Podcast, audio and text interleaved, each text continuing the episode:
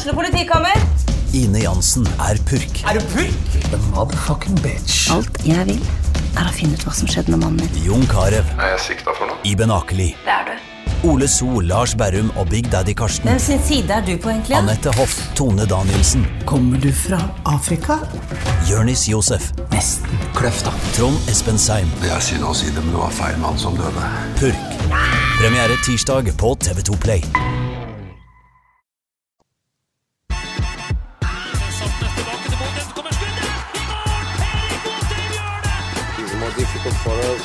Than for Bodo Blo- boys.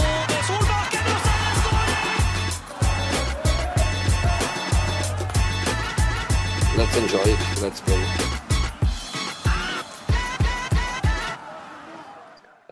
Hjertelig velkommen til tredje episode av Studio Glimt-podden. Eh, nervene er jo til å ta og føle på oss alle som har eh, kjennskap til Bodø-Glimt omtrent. Det er uka der Bodø-Glimt møter Roma i Roma for andre gang på et drøyt halvår. Det skal avgjøres hvem som skal til semifinale i Europa Conference League. og Da passer det jo veldig fint at vi har med oss de første internasjonale gjestene noensinne i Studio Glimt-podden. Da kan jeg introdusere eh, den faste makkeren vår her, Freddy Thoresen, som har beveget seg til Laisvall i Sverige. Og Der har han med seg litt av en profil. TV 2-reporter. Jeg vil nesten si legende, Roy Arne Salater. Velkommen, gutta. Tusen takk. Og det, takk. det er helt rett, du har ikke med deg en TV 2-reporter. Du har med deg en vaskeekte TV 2-legende. Det er det ingen tvil om, Markus. Hvordan er været i Laisvall, for å begynne rolig? Nei, Det er helt magisk. Det er faktisk eh, sol fra skyfri himmel. og Vi kjenner sola tar i ansiktet i dag. og Vi var litt skeptiske når vi innleda påskeferien her. Så hadde det altså da snødd i to døgn, så det har kommet 60-70 cm med nysnø. Og i dag har bare vært helt utrolig. Så, og det er meldt sånn de neste dagene. så Når vi først skulle ha påskeferie, så var det jaggu meg et bra valg å dra hit. Og så prioriterer du jo veldig godt, for det er vel sånn at du har egentlig en bursdag som du kanskje burde feire, men den nedprioriterer du til fordel for å spille inn podkast om Bodø-Glimt. Du, um, for å si det sånn, det kunne ha um, Altså, det har jo vært veldig mye snakk om Roma. Uh, og både uh, Freddy har jo vært i Roma en runde her i høst. og så begynte jeg, begynte jeg å hinte da, til kona mi, som faktisk er 50 år i dag, om at uh, du, det kolliderer egentlig med en tur til Roma. Men eh, da var beskjeden egentlig ganske klar. Hvis jeg skal ha et uh, hjem å komme hjem til etter hvis jeg drar til Roma, så tror jeg vi skal la det være. Og det har jeg også da gjort. Så det er litt som et tungt hjerte at både jeg og Freddy da ikke drar til Roma, men velger å prioritere kjærligheten, for å si det sånn.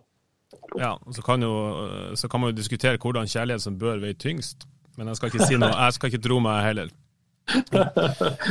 det, men det, klart, det, blir jo litt sånn spesielt å liksom, eh, sitte her, og jeg tror nok både jeg og Freddy vil nok ha det litt eh, Kanskje litt vondt i oss sjøl Og sitte og se på TV på torsdagen hvordan dette her med dramaet egentlig til slutt eh, ender. For nå er det jo nå er det finale, altså Uansett så skal det kåres en uh, semifinalist på, på, torsdagen. og Vi vet jo at det er noe helt annet å se det på TV enn å sitte fysisk til stede på en uh, stadion. Om det er Aspmyra eller om det er uh, Aset eller, eller, om det er Celtic. altså det er det, det, blir, det blir nervepirrende, tror jeg, ikke bare for oss, men alle de som ikke velger å reise til Roma nå på torsdagen.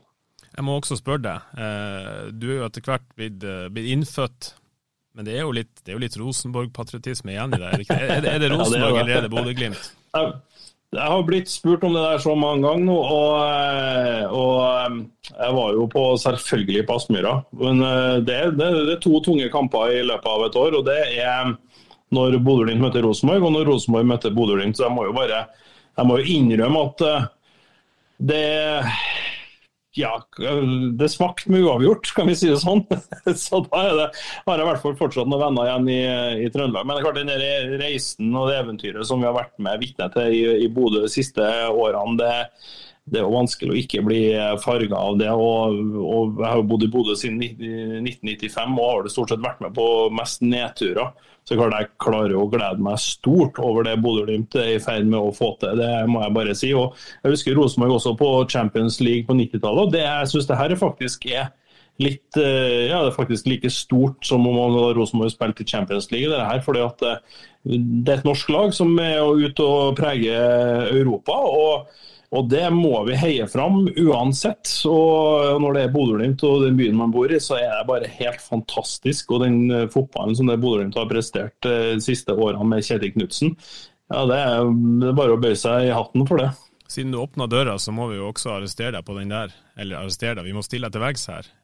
Hva er den største ja. sportslige prestasjonen? Er det hvis, hvis, Glimt slår ut Roma nå, er det en større sportslig prestasjon enn det Rosenborg har gjort i Europa? Ja, det, mener du? det tror jeg.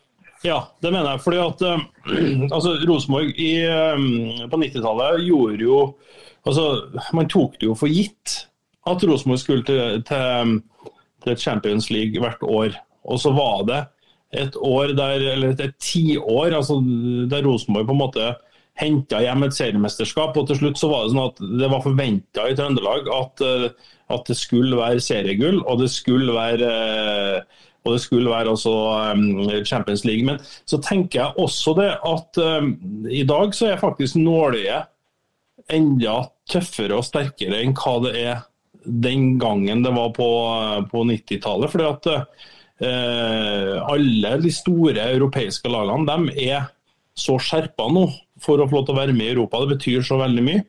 Og så tror jeg også at denne Conference League er noe som passer veldig norsk, bra for norsk fotball. Så jeg syns jo det at det, det, er på en måte lille Bodø-Glimt for å si det sånn, presterer nå. Og hvis vi snakker om en, en, historisk semifinale, går de det, så er det vel ingen norsk lag som har nådd semifinale uh, i det hele tatt. Det er vel Rosenborg nådde jo kvartfinale, dem òg. Så var det vel Vålerenga nådde vel kanskje kvartfinale, om ikke Freddy?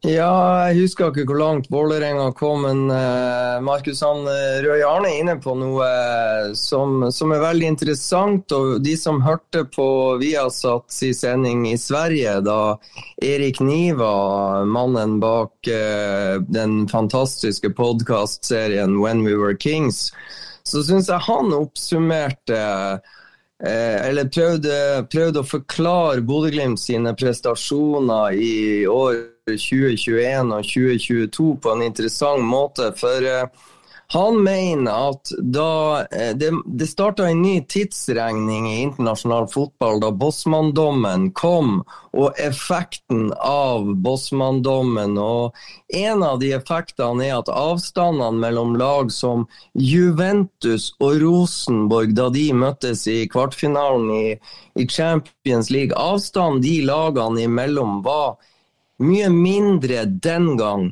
enn den avstanden som er mellom de samme klubbene nå.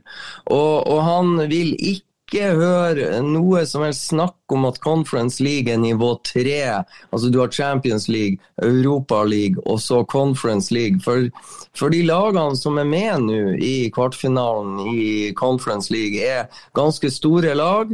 Og så har du da lille Bodø-Glimt som et av de, og avstandene mellom de store klubbene i Europa og de de mindre klubbene i Europa er blitt mye større enn en de var. Så han er eh, krystallklar på at det kan, hvis Bodø-Glimt går til en semifinale, så kan det gjenføres med, med, nesten samtlige. eller Han ville nesten sammenligne med IFK Göteborg, som i sin tid eh, spilte seg til finaler, og, og, også vant vel en, en finale. To, så eh, to finaler, det, er veldig, det, er veldig, interessant å, å høre en med såpass kompetanse på historien sette eh, Bodø-Glimt sine prestasjoner nå i akkurat det lyset.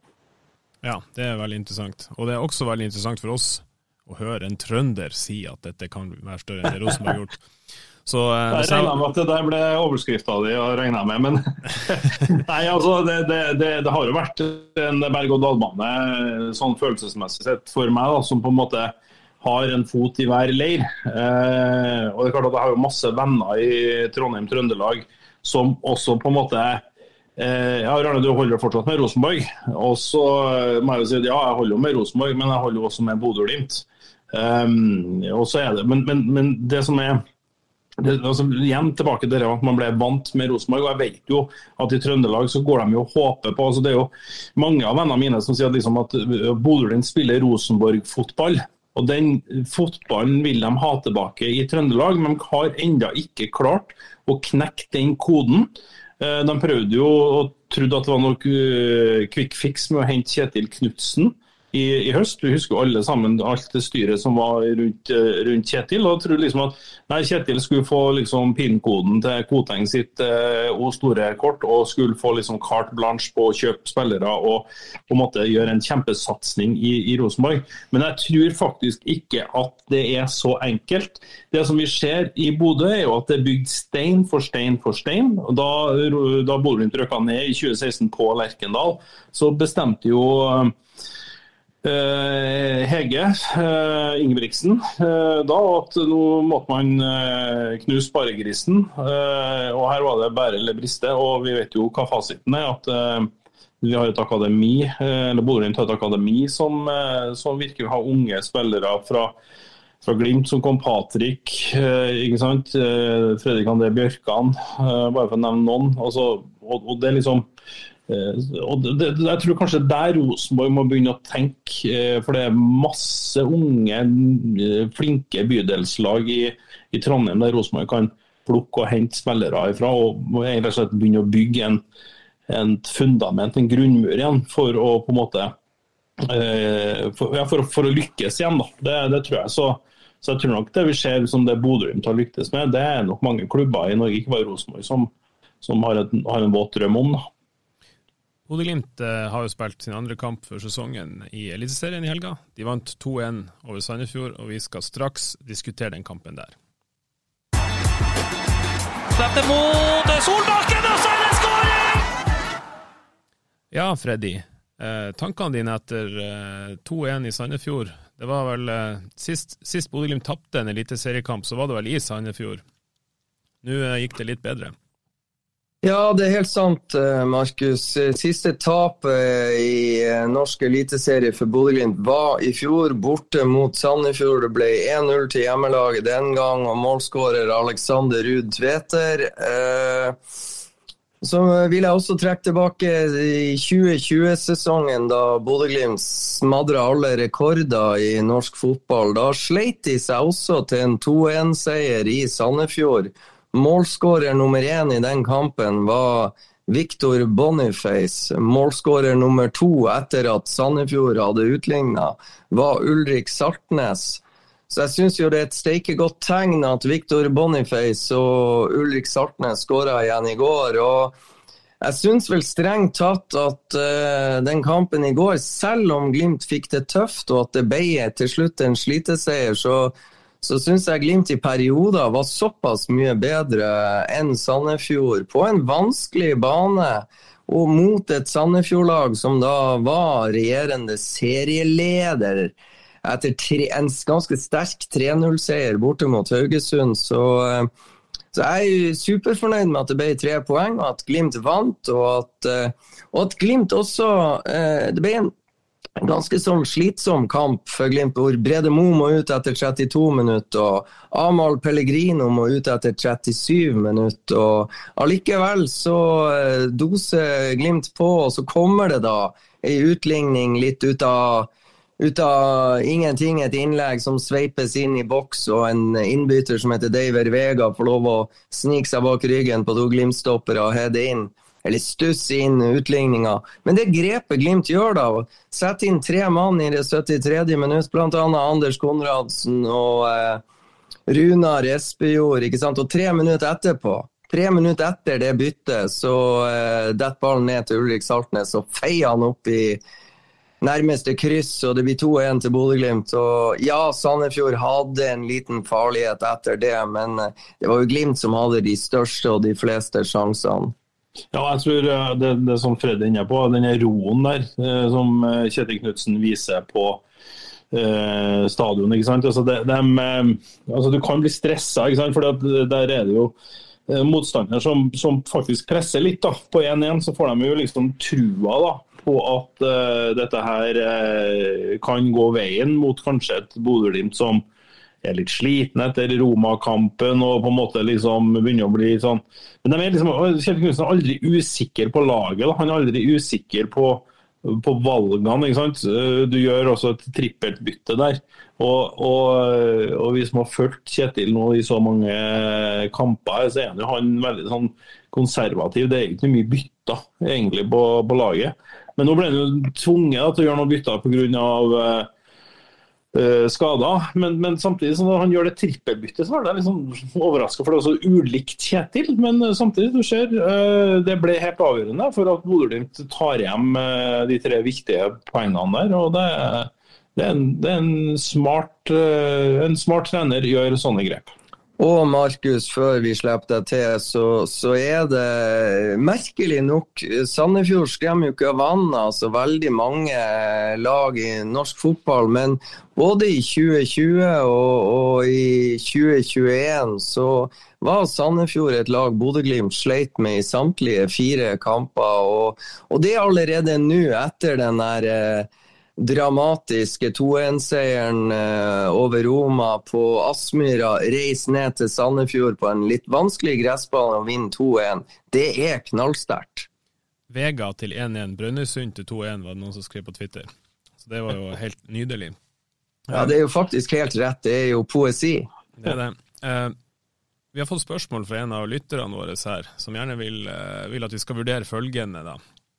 Uh, Brede Mo starta mot Sandefjord Historisk sett, skriver Mats Skauge, da, som har sendt inn der, der temaet til oss, så tåler ikke Brede to kamper i uka, hevdes det. Eh, og han har plagdes litt med kroppen. Var det riktig å på en måte risikere Brede Mo på en, en dårlig gressmatte i Sandefjord? Amal Pellegrino må òg av med skade her. Var det riktig, var det verdt risikoen å la de starte opp mot da konsekvensen, som kanskje ville vært et litt svakere Glimt? Ja, det som, eh, Jeg tror det er Brede Mo sjøl som har tatt avgjørelsen at, eh, at, han skal spille, eh, eller velge å spille fra start mot Sandefjord. Og Brede Moe det, det, er rart med det. Disse fotballspillerne som begynner å, å nærme seg 30 år. Når, jo mer rutine de får, og spesielt disse spillerne som har vært litt skadeplaga, så får de også ekstrem kompetanse rundt å vurdere tilstanden til sin egen kropp. Så eh, jeg tror Brede eh, tok den avgjørelsen sjøl. Eh, Brede har vært ekstremt flink til ikke å gamble, sånn at eh, jeg tror kanskje Brede sjøl ble veldig overraska over at eh, kroppen bare holdt det i 32 minutter. Og at det da eh, ikke er den lårhøna som satte han ut av spill i sluttfasen mot Roma, men lysketrøbbel som gjør at han eh, velger å gå av i tide. Han tar ingen risiko og velger å gå av i tide.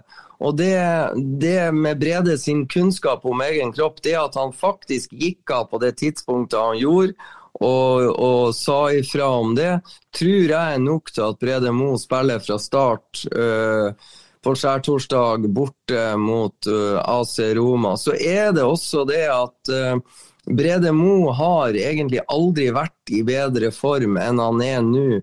Og heller ikke hatt en bedre sånn, sånn fysiske forutsetninger for det. For den her eh, leggstrekkproblematikken som Brede Moe sleit med før, som gjorde at han måtte stå over en del kamper, den ble han kvitt med å ta den eh, operasjonen av Haglunds hæl, som er en litt sånn risky operasjon å ta når eh, Brede er blitt såpass opp i årene som han er blitt. Men han har gjort en fantastisk jobb i etterkant av denne operasjonen. For det første, operasjonen er vellykka, og så har han vært veldig nøye med oppkjøringa til 2021-sesongen.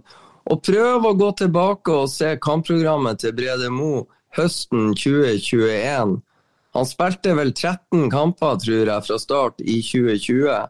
Høsten 2021 så var det vel nesten bare 13 europacupkamper for Brede Mo. Så jeg tror kroppen hans tåler mye mer belastning enn den gjorde før han tok den operasjonen av Haglunds hæl. Så litt gambling, ja, men det er Brede Moe som gambler. Han kjenner sin egen kropp best, men jeg tror han blir å starte mot Roma.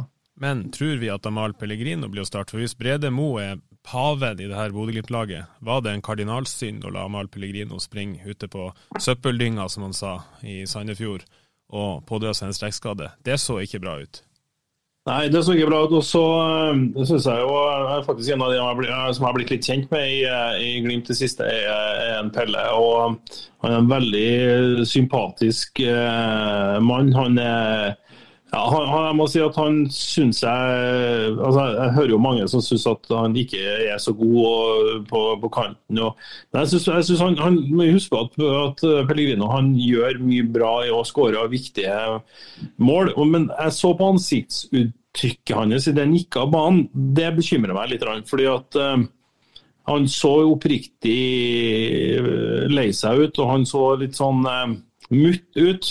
Og det virka for meg at det her kanskje var litt alvorlig, mer alvorlig enn det som jeg, hørte jo Kjetil sa det var noen småskader eller et eller annet. Så det var et eller annet sånn smårusk som han mener jeg synes han sa etter kampen. Men, men jeg er litt mer usikker på, på Pellegrino. Så jeg tror den skaden er litt uh, verre enn en Brede Moe sin. Altså. Så det skal bli spennende å se om, om, om han entrer banen på torsdagen. Altså. Freddy, ja, hva du har hørt? Ja, ja, nei, Jeg er enig i vurderinga til uh, Roy Arne. Her vi sitter i Laisvall akkurat nå, så er jeg også jeg er veldig mye mer i tvil om uh, Amahl Pellegrino kommer til å løpe ut fra start. Og så syns jeg det er, det er litt sånn vanskelig å, å forutse sånne ting. Uh, I intervjuet sier jo Amahl at han vet ikke hva han skal sammenligne med, for han har aldri hatt strekk bak i låret sånn som det der. og Sondre Brunstad Fet har jo vært ute lenge med, med en sånn type skade nå um, allerede. Så, men jeg, når, når, ikke Amahl har hatt den problematikken, så, så syns ikke jeg det går an å, å på en måte rette noe skyts verken mot Amahl eller trenerteamet til Bodø-Glimt for å forutse at det som skjedde der, skulle skje. Han, eh, han har tålt mye trening, han har stått i mye trening. Og han har stått i ganske tøff kampbelastning, Amahl Pellegrino også.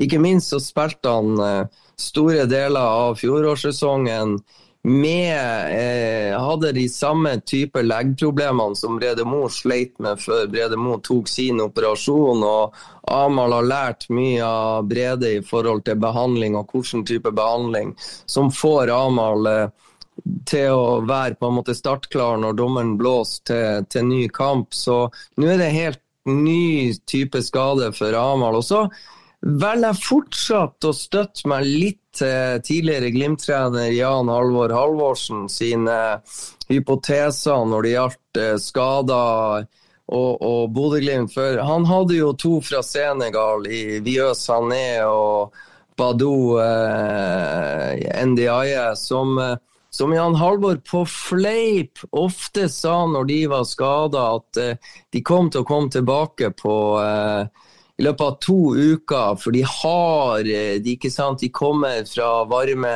Senegal og er afrikanere. De har en annen muskulatur, så de, de er tilbake på 14 dager. Hadde det vært en nordlending som hadde fått samme type skade, så hadde han vært ute i tre måneder, nå er jo Amahl Pellegrino fra Tanzania og har gener fra Tanzania, så enn så lenge så, så velger jeg jo å drømme om at uh, denne hypotesen til Jan Alvor Halvorsen fortsatt kan uh, At det kan være noe i det, at uh, strekkskaden ikke er så alvorlig som man frykter, og at eh, litt sånn pleie og, og, og, behandling i timene frem til kampstart i Roma kan gjøre at eh, han faktisk kommer på banen. Men eh, jeg tror det er mye større sjanse for at Brede Moe spiller fra start enn Amahl Pellegrino akkurat nå. Men det som jeg syns var veldig gledelig, da, det var jo at Ola Solbakken var på lagoppstillinga igjen på søndagen. og eh, og, fikk, og kom inn og på en måte, som på en måte signaliserer at han eh, stiller mot, eh, mot, Roma. og Det er klart at det var jo, gikk jo et gisp gjennom veldig mange forrige torsdag når lagoppstillinga kom og de så at Ola Solbakken ikke sto der, og tenkte at du skal liksom sette en uerfaren mann på kanten der. Men vi så han, hevde, altså han gjorde jo sine saker bra, han også, men, men at uh, Ola er tilbake igjen. og Ut ifra det vi hører, så er det vel korona som er årsaken til at han da ikke spilte mot Roma sist torsdag. Og at han nå da er tilbake igjen, det tror jeg mange i Bodø er veldig letta og glad over. Vi skulle egentlig ta det her med lag og spekulasjon litt senere, men jeg skjønner at dere er så ivrige at vi må bare dit med én en eneste gang. og Da kan vi like gjerne ta hele greia. Eh, I dag på trening, Freddy, vi har hatt en utsendt, en utskremt kollega fra Nettavisen på trening. Jafet Seri Larsen trente, gjennomførte hele treninga. Morten Ågnes Konradsen gjennomførte hele treninga med skudd og vendinger og jeg skulle si, fusk og fanteri og hele pakka for første gang eh, etter at han var eh, etter at han røyk ut med Gilmores groin-problemer. Eh, Sondre Brunstad Fett var med på mesteparten av treninga. Med det i bakteppet, i, i, i mente her, og som bakteppe, og med de skadene Glimt har, de skadeutfordringene de har. Freddy, kan du gå igjennom det du tror er de som springer ut på Stadio Olympico. Og så vet vi det, det er påske. Det er, det er, faktisk, eh, det er faktisk den katolske kirkes største høytid, så det er jo lov å tro litt ekstra. Hvem tror du spiller mot Roma? Jeg tror eh, det er Nikita Haikin i mål, og så tror jeg det er Alfons Samsted, Brede Mo, Marius Høybråten og Bris Wembangomo i bakre rekker. Så tror jeg det er Hugo Vetlesen, Elias Kristoffersen Hagen og Ulrik Saltnes på midtbanen. Så tror jeg at det blir eh, Ola Solbakken, eh, Runar Espejord. Og så er det ett spørsmålstegn, og det er om Amahl Pellegrino spiller eller spiller ikke. Og hvis ikke Amahl Pellegrino spiller, så kan det fort bli Ola Solbakken på venstre ving. Eh, og så blir det Gilbert Komson eller Sondre Sørli på høyre ving. Og basert på det som er vist av de her to i de siste kampene som de har fått prøvd seg, så holder jeg en knapp på at det blir Gilbert Komson som eh, starter på høyre og Ola Solbakken på venstre. Kan det bli Sørli? Er ikke Sørli ute av troppen? Hva sier du? Sørli og europatroppen? Ja, helt, helt, helt, rett. Der sa du det. Sørli er jo ikke med i troppen, så da er det jo Gilbert Komson og Ola Solbakken på venstre. Og Med tanke på de spekulasjonene som har vært nå, da, så tenker jeg rundt Ola Solbakken til Roma. Eh, ikke sant? Det benekta jo Mourinho, det var noen som snakka litt for mye mens han på pressekonferansen. Eh, for Jeg fikk jo spørsmål om det Mourinho om Ola Solbakken var en het kandidat til å gå i overgangsvinduet i sommer. Da. Eh, og det er klart at eh, hvis eh, motorsykkelen begynner å fyre opp på kanten der, og begynner å gjøre det som han har vært veldig god på, Ola Solbakken, så kan jo han fort bli en yndling. ikke sant? Og Det tror jeg Ola Solbakken sjøl også har lyst til å vise seg fram mot Roma på, på torsdagen. Så, så, jeg tror nok at Ola vil være heltent for den, den oppgaven der. Et siste spørsmål. Ja, ja, ja vent litt, Markus. Vent litt, Markus. Så, jeg, så jeg, jeg, tror jo vi stoler Solbakken, og jeg tror sjansen er veldig stor for at han spiller fra start. Så, så, så, tipper jeg det at det er en mann eh, Roma kommer til å ta mye hensyn til. Og, og det betyr jo Altså, de kommer til å se ekstra opp for Ola Solbakken og være ekstra på vakt for han. Og det betyr at det kan dukke opp eh, plass og rom til andre Glimt-spillere fordi at Roma driver og legger én og to mann for å demme opp for, eh, for eh, nettopp Solbakken. Og hvis f.eks. høyre stopper sklir litt ut mot høyre back for å hjelpe og sikre i tilfelle mannen med motorsykkelen skal skru på turboen. Det vil gi mer plass inn i midten til en kar som Runar Espejord, og også til Ulrik Saltnes og Brisveen Bangomo, som kommer til å trykke opp langs den venstre sida. Så det blir veldig spennende å følge med på. Absolutt. Eh, et siste spørsmål rundt lagprioriteringene i Sandefjord. Eh, Kjetil Knutsen gjør jo ett bytte, egentlig. Han uh, setter jo inn uh, Victor Boniface i stedet for Runar Espejord. Hvorfor gjør han det, Freddy? Vi har snakket om at uh, Brede Mo og Amahl Pellegrino de, de, står i belastninga, og de har tålt dette før. Uh, er det det at Runar Espejord ikke har vært med på denne rytmen som gjør at uh, Kjetil velger Viktor mot Sandefjord? Ja, Runar eh, Espejord er en som er å, å balansere på knivseggen eh, hele tida. For eh, både Glimt og han vet at han enda har en jobb å gjøre i, i forhold til å bli så godt trent som de ønsker. Og så har de jo ikke sant, serien, Sesongen starta på Celtic Park, og Runar Espejord var egentlig ikke i nærheten. Han hadde jo bare vært i Bodø en måneds tid før det braker løs i, i Glasgow og han skårer sitt første mål for Bodø-Glimt etter syv minutter. Så der tror jeg det var en sånn uh, skikkelig sånn føre var-handling. Uh, samtidig som at det kunne passe å la Victor Boniface få sjansen fra start. Men det som vi ikke må glemme, Markus, du var inne på det i, i oppsummeringa fra dagens trening i Tønsberg. Og det er jo det som er veldig gledelig, og som har vært ei en voldsom utfordring for Bodø-Glimt nå.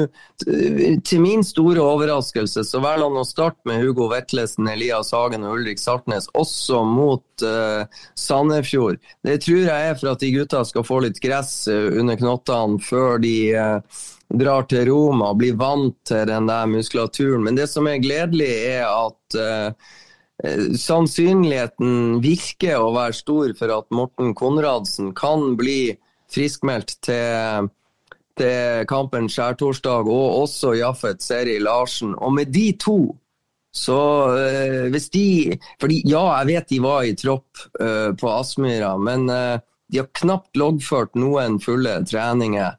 Før, før kampen, hjemmekampen mot Roma. Nå er det mye mer troverdig. Nå tror jeg ikke bare de står på dommerkortet, de to, eventuelt for å fylle opp plass.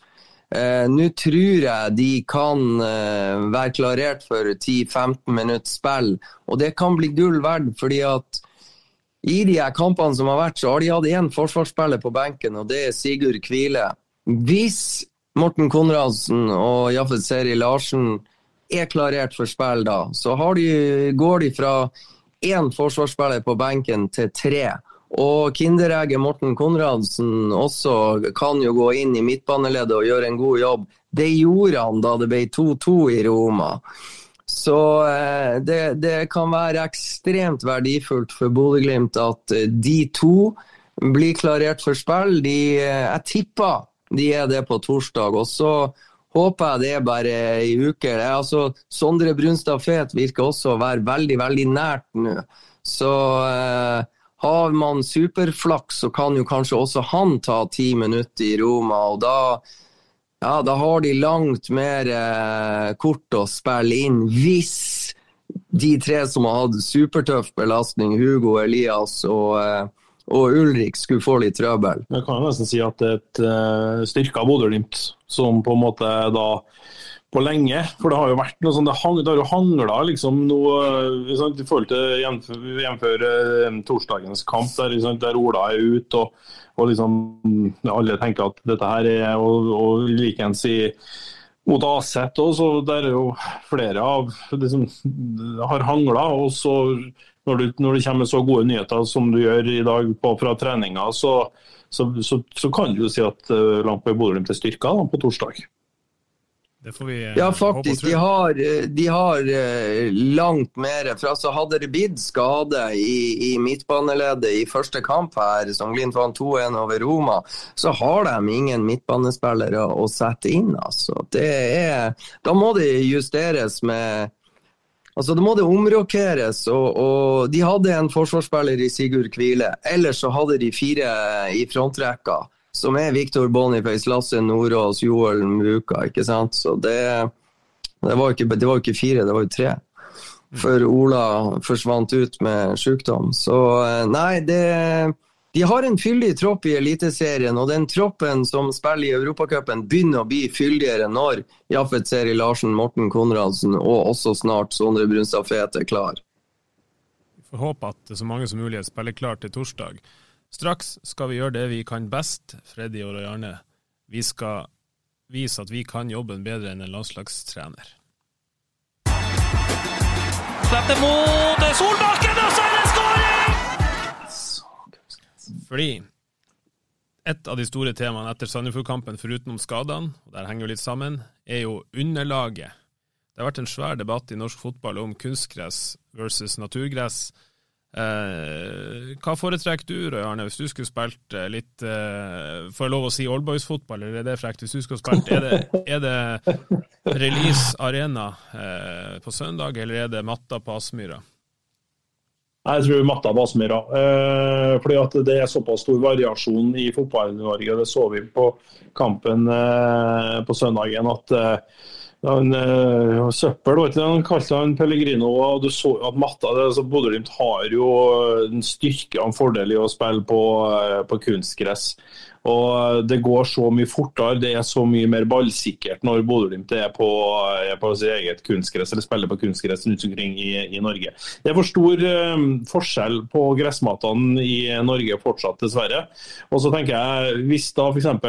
du skal begynne med helårsfotball, sånn som vi har vært vitne til nå i eh, Bodø i høst og nå på, på, på vinteren her, så klarer jo ikke Bodø-Glimt eh, eller Tromsø å stille naturgress. Det er naturstridig å stille eh, naturgress i januar, februar og mars i den delen av landet vi, vi, bor i. Og Når du også til og med ser at lengre sørpå at de har problemer med å stille et bra gress, så jeg heller litt imot at, uh, at kunstgress er å foretrekke. Men, men Arne, du kjenner jo til navnet Anders Øyen, banemester på, på Lerkendal.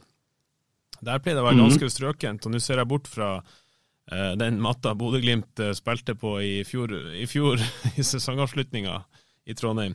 Det pleier å være ganske pent på Lerkendal stort sett hele sesongen. Er det ikke bedre å spille på gress sånn som, sånn som de gjør, de store utenlandske klubbene? Ja, nå er, ja, nå er det lenge siden at uh, men hva hadde vel ikke Nå må du arrestere meg, Fredrik, hvis jeg tar feil, men hadde vel ikke Lerkendal en sånn uh, quasi-løsning med litt uh, natur og kunstgress uh, sydd inn i i matta, så jeg vet ikke om det fortsatt uh, er sånn på Lerkendal, men uh, jeg tror det er det. Og, der, eh, det der må jo til og med Rosenborg uh, altså, Ja, altså, banemesteren er jo selvfølgelig veldig flink til å, til, å, på en måte men, men, det er jo mange mil mellom Trøndelag og Nord-Norge. altså det og matta på Lerkendal kan være veldig varierende. og Det har jo selvfølgelig klima hvor man, hvor man spiller fotball. Um, men eh, jeg tror jo at du får jo mer jevnere kamper, desto flere kunstgressbaner det er. Og det er mulig jeg banner i kirka her, altså, men eh, Bodø-Glimt har, har, knekt kunstgresskoden veldig bra. og knekker også til, delvis også naturgresskoden. Men, men eh, jeg syns jo det blir lekrere og finere fotball å se på når du spiller på, på kunstgress, kontra da, et sånn tilfeldig sånn som i går, naturgress, der, eh, der det går litt sånn i, eh, Litt både her og der i, i kvaliteten på, på, spillet. Freddy,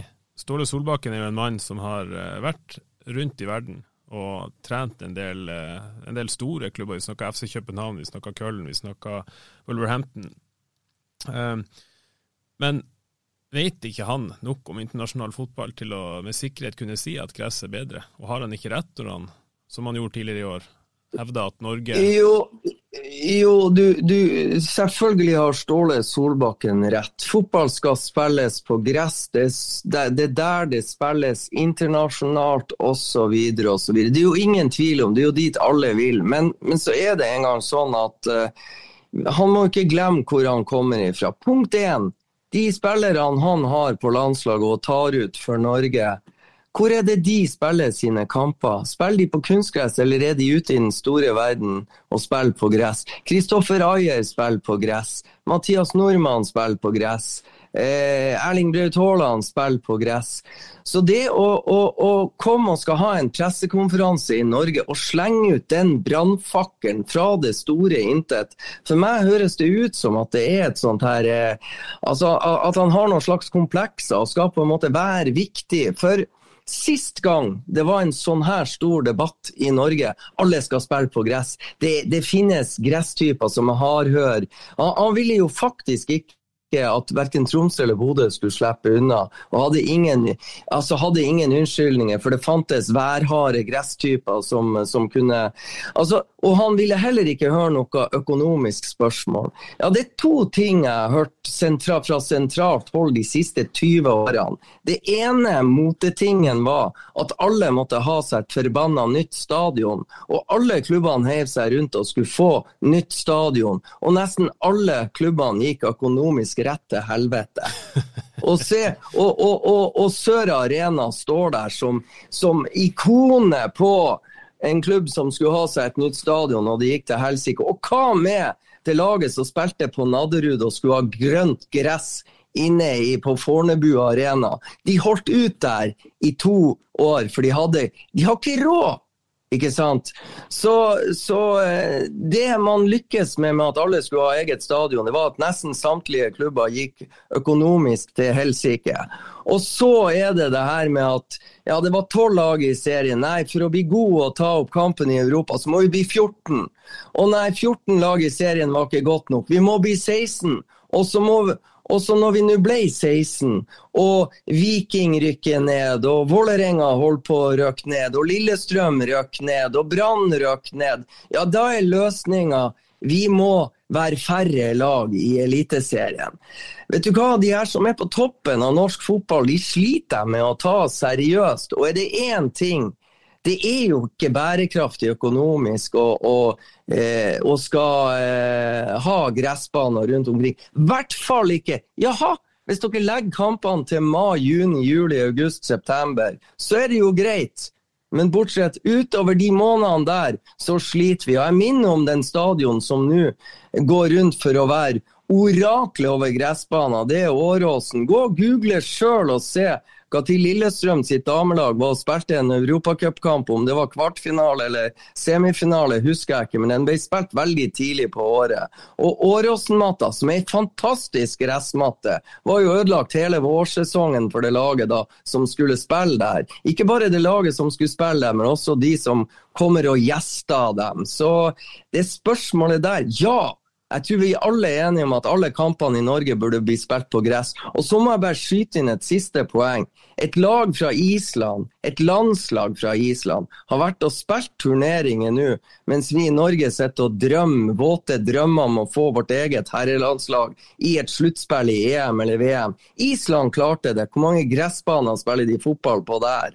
Nei, der vi talentene fostra opp på kunstgress, så blir de sendt ut i den store verden og får trene på gress, og så har de skapt et godt landslag ut av det. Selv om også jeg registrerer at det landslaget er på nedtur. Men de hadde de fikk en generasjon eller to med gode spillere som tok Island med sine 400 000-500 000 innbyggere til både EM og VM. Jeg tror den norske landslagstreneren bør konsentrere seg først og fremst om å skape et steike godt landslag som vi alle kan bli glad i. For de fleste spillerne på det laget han tar ut, spiller i sin daglige virke, eller i sitt daglige virke, spiller de faktisk på gress. Så begynn der, så skal vi snakkes. Jeg syns det var litt lite temperatur, Freddy. Kan du ikke fortelle oss hva du egentlig mener? Det var litt slapt. Har du mer å komme med? ja, vi, er jo, vi er tross alt i 50-årsdag her, vet du, Markus. ja, det er veldig bra. Jeg lova at vi skulle fortelle Ståle Solbakken hvordan han skal gjøre jobben sin. Du har i hvert fall fortalt ham hva han skal ligge unna, og det er veldig bra. Men Bodø-Glimt eh, skal jo faktisk Bodø-Glimt er i ferd med å bli en av de nye klubbene Freddy, som skal bygge ny stadion og forhåpentligvis eh, det er bare, bare, en liten ting, Markus. Bare sånn, ja. eh, Bodø-Glimt spiller på kunstgress. Ja. Vi er enig i det. Ja. Roy Arne, du er enig? Ja. Hva, er det ikke litt merkelig, da, at et lag som spiller på kunstgress, reiser Spiller tre bortekamper i Conference League i år 2021. Samtlige av de bortekampene spiller de på gress. Det ble 0-0 i Sofia. En latvisk dommer frarøva dem en, en fortjent 1-0-seier da Erik Botheim hedda inn. Altså, 0-0 burde vært eh, tre poeng. De drar til Roma, spiller 3-3. De drar til Zaporizjzja i Ukraina, også på gress, hold dere fast. Spiller 1-1 der. De reiser til Celtic, der var det gress, det blir 3-1. De reiser til Alkmaar, det blir 2-1. Det var også gress der sist jeg sjekka. De får 2-2 etter ekstraomganger, og nå skal de til Roma for andre gang. Ja, de er smart. De legger oppkjøringa både til, Rom, til, til Glasgow og Alkmaar på gress i Spania. Så um, for meg så var det mange mange nordlendinger, mange norske fotballspillere på det laget til Bodø-Glimt som, som, reiste ned og gjorde det her. Fra sin base på kunstgress eh, eh, på Aspmyra i Bodø. Så umulig er det i hvert fall ikke å skape verken gode lag eller gode fotballspillere ved å spille på kunstgress. Det har du helt rett i. Det jeg skulle frem til nå, var at Bodø-Glimt skal bygge ny stadion. Skal bruke antageligvis en del penger på det. Hvordan nå finansieringsmodellen blir. Styreleder Inge Henning Andersen har i hvert fall signalisert at det er kunstgress som gjelder. Roy Arne, støtter du det, eller burde man gått all in? Jeg vet ikke lenger hva jeg tør å mene etter å ha hørt på tiraden til Freddy igjen. Blir... ja, Freddy han er harmløs. Han er harmløs. Du kan mene hva du vil. Du er blant venner. Nei, Jeg mener fortsatt at Bodø-Glimt skal forholde seg til kunstgress. Eh, men jeg er jo enig i det Freddy sier, at eh, Bodø-Glimt har mestra Eh, de reiser bare på hytta si, så får de litt trening, altså ref Spania. Eh, og, så, og, så, holder de da eh, holder de, de er veldig flinke til å utnytte mulighetene og de dagene de får på gress til å, til å gjøre det ting veldig bra. Men igjen, vi, vi som bor i Bodø, vi vet hvordan vi vet hvordan det er i november, desember, januar, februar, mars, april. ikke sant? Eh, Eh, og Da må, da må Bodø-Glimt ha tror jeg, kunstgress for å kunne klare å opprettholde den progresjonen de, de har. Og så ja, det er rett og slett eh, Klimaet i Nord-Norge tilsier at det blir veldig vanskelig og ikke minst fryktelig kostbart å lage naturgress eh, hele året. Så det er mulig ja, han Freddy kanskje blir litt uvenner i 50-årsdagen i kveld. Jeg vet ikke, Freddy. Jeg, jeg, er enig jeg er enig i Roy Arne. Ja, jeg så han der Spetalen fra Sandefjord eh, som er ganske god på ute i finansverden og ikke minst på børs. Han har vel gått med noe var det 250 000, Markus, han har støtta Sandefjord og Lillestrøm eh, fordi at de har gress, eller hva det var. Kanskje var beløpet litt høyere. Men eh, jeg har vært og sett på kamp i Arnhem i Nederland. Det er ganske fascinerende. Det er en stadion som du kan faktisk Hvis det er drittvær, så kan de dra taket over. Og det som er enda mer fascinerende, det er at uh, den gressbanen som de ruller inn De, de har en gressbane, det er gressstadion. Men når det ikke er fotballkamp, så er det noe sånn maskinelt her. At gressbanen ligger faktisk på utsida av arenaen i Sola når det ikke er kamp. Så kan de faktisk ha Madonna-konserter og Rolling Stones-konserter, hva det ikke er. Sånn at hele anlegget kan på en måte finansieres. Altså Det er et anlegg som ikke bare brukes til fotball. Det er klart Hvis Spetalen bygger 16 sånne anlegg i Norge, vær så god, da er jeg med på gress. Men kan ikke Tord Kolstad bygge et sånt på Tallejordet som det diskuteres, er det ikke det der vi må?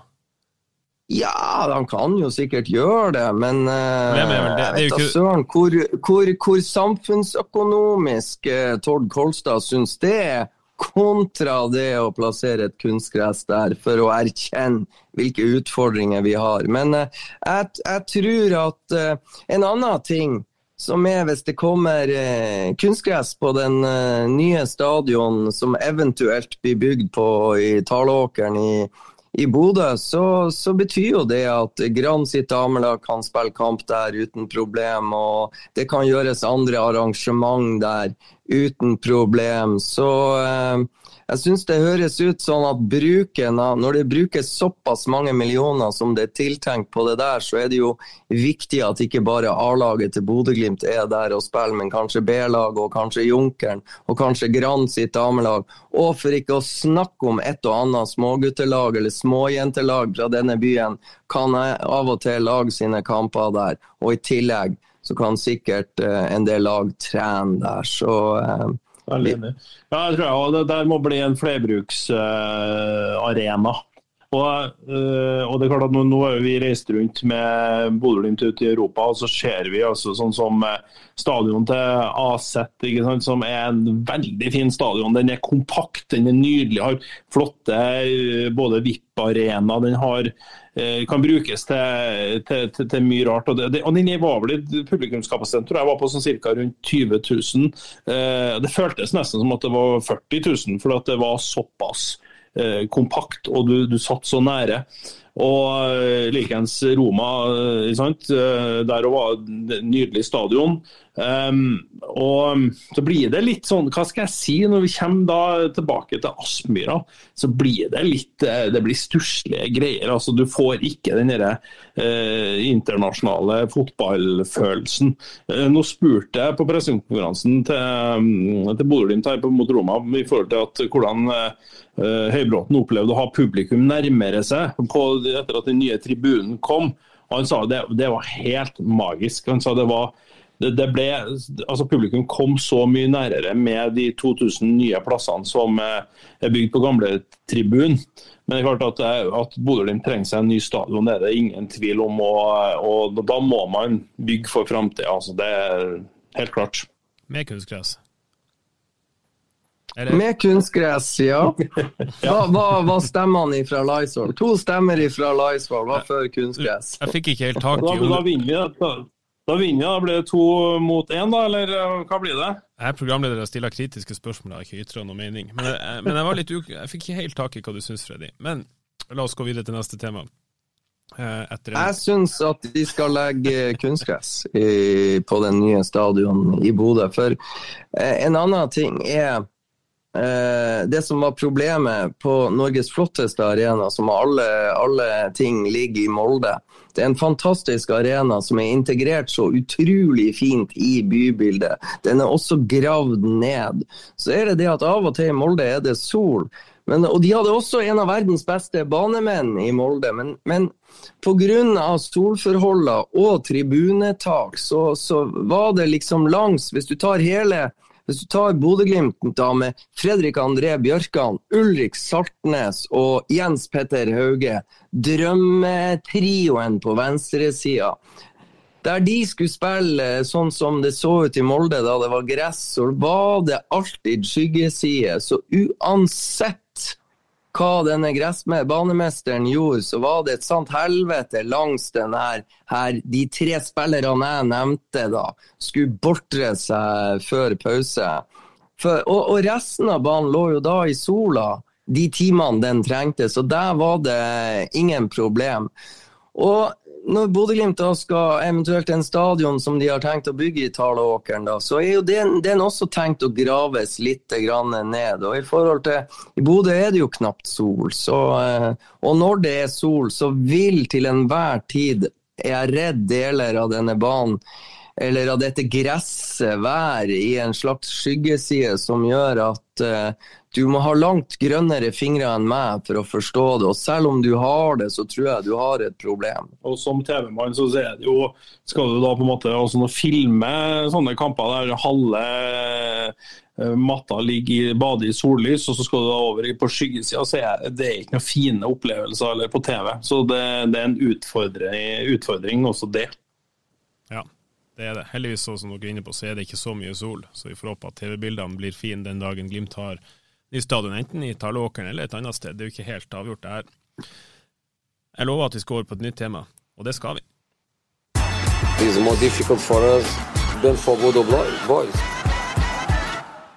Det var stemmen til vår vi får si vår uh, ikke gamle kjente, men vår etter hvert så er vi blitt ganske Vi har kommet ganske tett på José Marine, i hvert fall dere og Jarne og Freddy. Det var fotballkamp i Roma på søndag. Roma slo Salernitana 2-1 Eh, med Emil Bohinen vel på banen. Er ikke det riktig for Salernitana, Freddy? Det stemmer. Etter kampen eh, så var det jo litt eh, Det var kontroverser der òg. Det er ikke bare på Aspmyra at José Mourinho og hans trenerapparat gjør seg upopulær. Walter Sabatini, som da er Salernitanas trener, var ganske rasende på pressekonferansen etter matchen. Beskyldte Mourinho og co. for å drive med lite fair play. Det hørtes kjent ut for de som fikk med seg etterspillet etter Glimt Roma. Mourinho svarte da eh, til slutt, og pressen på sitt vis, da, han sa at eh, en på benken hadde sagt til Salernitana-spillerne eller støtteapparatet at dere kan pelle dere tilbake til serie B. Det likte ikke Mourinho, hevda han, så de sa unnskyld.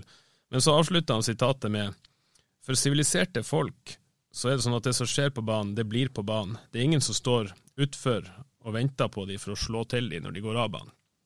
Så kan man spekulere i hvor det stikket der var retta. Eh, men igjen kontroverser i Roma. Mens i Norge og i Sandefjord så fortalte Kjetil Knutsen til pressekorpset for første gang om sine opplevelser. og Du er kanskje den journalisten som kjenner Kjetils tankesett best, Freddy. Eh, du har intervjua han utallige ganger. Var det, det har gått inn på han, det her? Det som er blitt fortalt, og det som skjedde i spillertunnelen etter Glimt-Roma?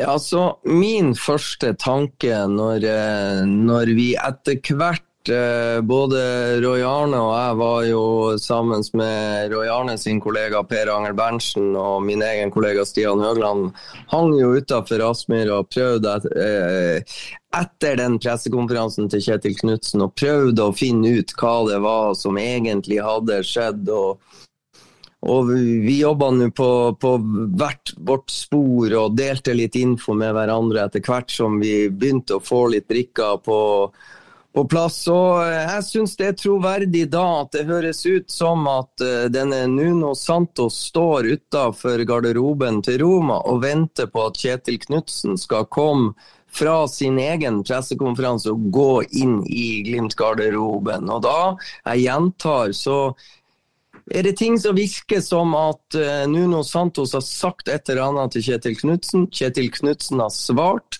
hvorpå Nuno Santos har da valgt å ta strupetak på Kjetil Knutsen. Og når jeg hører da at Kjetil Knutsen forsvarer seg ut av dette strupetaket på en sånn måte at han samtidig legger Nuno Santos i bakken med et brak, og antageligvis så er det ting som tyder på at Kjetil Knutsen er langt, langt bedre trent og sterkere enn en forholdsvis dvask, dårlig portugisisk keeper som senere har blitt keepertrener. Så er det klart, jeg syns jo det høres litt tøft og artig ut uh, der og da. Men det er klart det at for Kjetil Knutsen så må det her oppleves som et sjokk.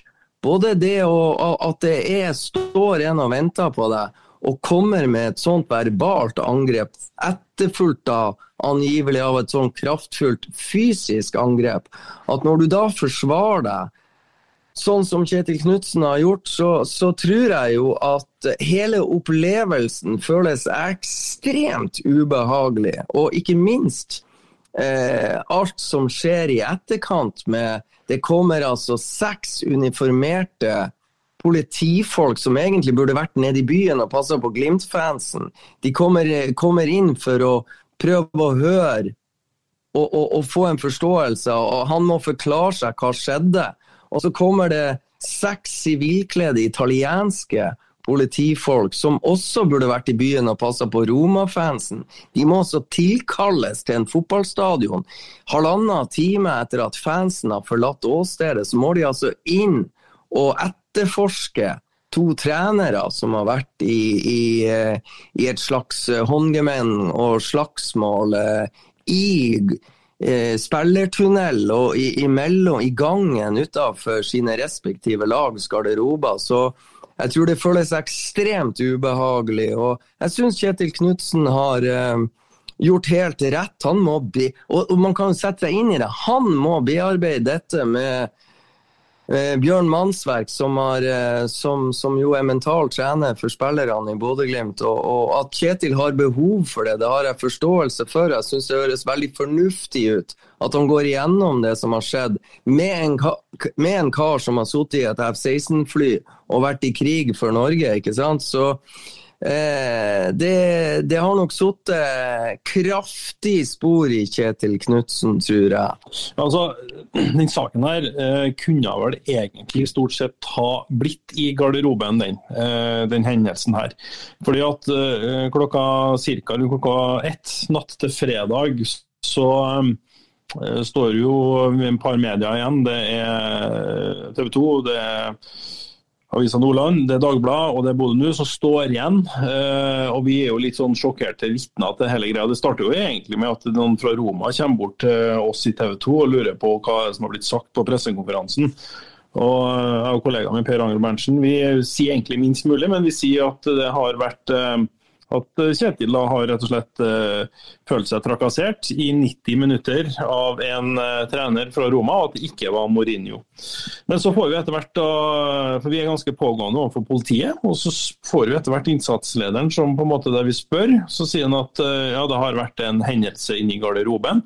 Men så sier han ingen av lagene har noe ønske om å anmelde denne saken, eh, sier han. Og så ble det oppfølgerspørsmålet hvor alvorlig eller hva som ja, For å si sånn, det er mer action en lørdagskveld i Bodø enn, enn det her. Men igjen, ingen av lagene hadde på det tidspunktet eh, noe behov for å Men så skjer jo det i løpet av natta, eller om det er tidlig på morgenen, så er jo Pellegrini på, eh, på Roma ut og tvitrer. En usannhet som går da på at uh, Kjetil Knutsen skal visstnok ha kommet inn i garderoben og gått til angrep på, uh, på Roma spiller, Roma trener. det er vel først da at jeg tror snøballen begynner å rulle enda mer. For da begynner jo Bodø-Glimt å liksom ja, Dette er jo ikke den versjonen som vi sitter inne med. Og heldigvis så er jo dette her eh, seansen filma. Uh, og vi media vi har jo selvfølgelig brukt hele helga på å få ut den videoen. Uh, den er det da visstnok et par personer i produksjonsselskapet som har skjedd, og så er den overlatt til Uefa. Og Det som blir veldig spennende nå, siden dette da er en anmeldelse og politiet skal da i gang med en etterforskning, så har jo politiet da på en måte rett og krav på å få ut det som bevismateriale. Og jeg syns det er litt rart at han fortsatt ikke i løpet av helga at denne videoen her er da lekka ut. Og jeg tror at Hvis vi får lekka denne videoen ut, eller den kommer da eh, til media, eh, så får, vi også håpe at den da blir vist i Roma i forhold til hva det er som da på en måte har skjedd inni garderoben eh, her. Og Det vil jo kanskje da Eh, på en måte eh, være med og, roe litt den spenninga som nå er bare dager før de to lagene skal møtes. Vi kan jo oppsummere status siden du er inne på litt av det her. Men, men politiet i Nordland har jo, eh, har jo mottatt en anmeldelse fra Bodø-Glimt, og de har jo også uttalt at de kommer til å, å be om å få denne videoen.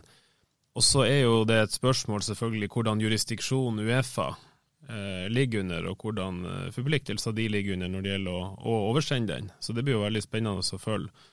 Eh, og så er det jo sikkert eh, noen som, og der kan, kan, jo, kan jo, du si litt om det, nå, det er jo sikkert noen som lurer på Nent, altså selskapet bak Via, mm. Viasat, Viaplay.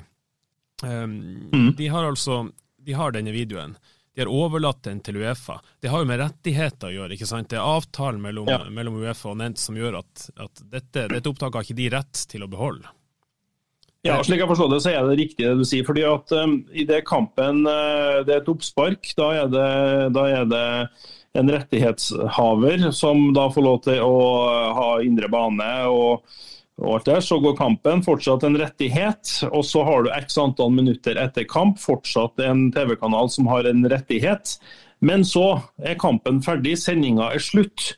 Da har ikke uh, rettighetshaver uh, lenger den rettigheten. Men så ble, ut ifra det jeg har hørt, så ble det at dette kameraet her ble ikke skrudd av. Det sto fortsatt og filma inn mot spillerslusa. Og Da er det Uefa som visstnok har rettighetene på disse bildene. Men jeg er fortsatt veldig overraska over at disse bildene ikke har blitt lekka fra Uefa i løpet av uh, den helga vi har lagt bak oss. Så um, Eh, og Visstnok så jeg spurte eh, Frode Thomassen på fredagen da pressemeldinga kom ut. så spurte jeg om han har sett videoen, men han hadde ikke sett videoen. Men de har fått forklart at den videoen var ganske forklarende i forhold til det som har skjedd i spillerslusa. Så jeg syns fortsatt det er veldig merkelig at ikke media har fått uh, hånd om denne videoen. Hvis TV 2 hadde sett over videoen Og Markus, jeg, jeg har snakka med noen i Nent, som angivelig har sett denne videoen. Okay. Og de hevder jo å, å, å, kjenne seg godt igjen i Glimt sin gjengivelse av hva som har skjedd. Ja, og Bodø-Glimt òg vet jeg har vært veldig hva skal jeg si da, veldig lysten på at denne videoen altså, bør komme ut eh, i allmuen, sånn at eh, folk får se hva det er som har skjedd. Eh, og at man på en måte da får den fakta, eller et bilde av fakta, det som da skjedde inne i spillerslusa der på Aspmyra. Mm. Ja, for, nu, for, sånn som det er nå, så, så, må vi jo ta våre forbehold. Roma hevder sitt, og Bodø-Glimt hevder sitt. og men, men, når det kommer frem at, at i 2019 eh, VG var jo flink og fikk den saken, Uno Santos eh, har vært i Kalabalik i en spillertunnel eh, mellom Tottenham og Newcastle. og en eh, halvannen måned før han tar turen til Aspmyra, så har han uh, vært i Calabalik i en spillertunnel i Italia i forbindelse med et rødt kort José Mourinho pådro seg i oppgjøret mot Hellas Verona.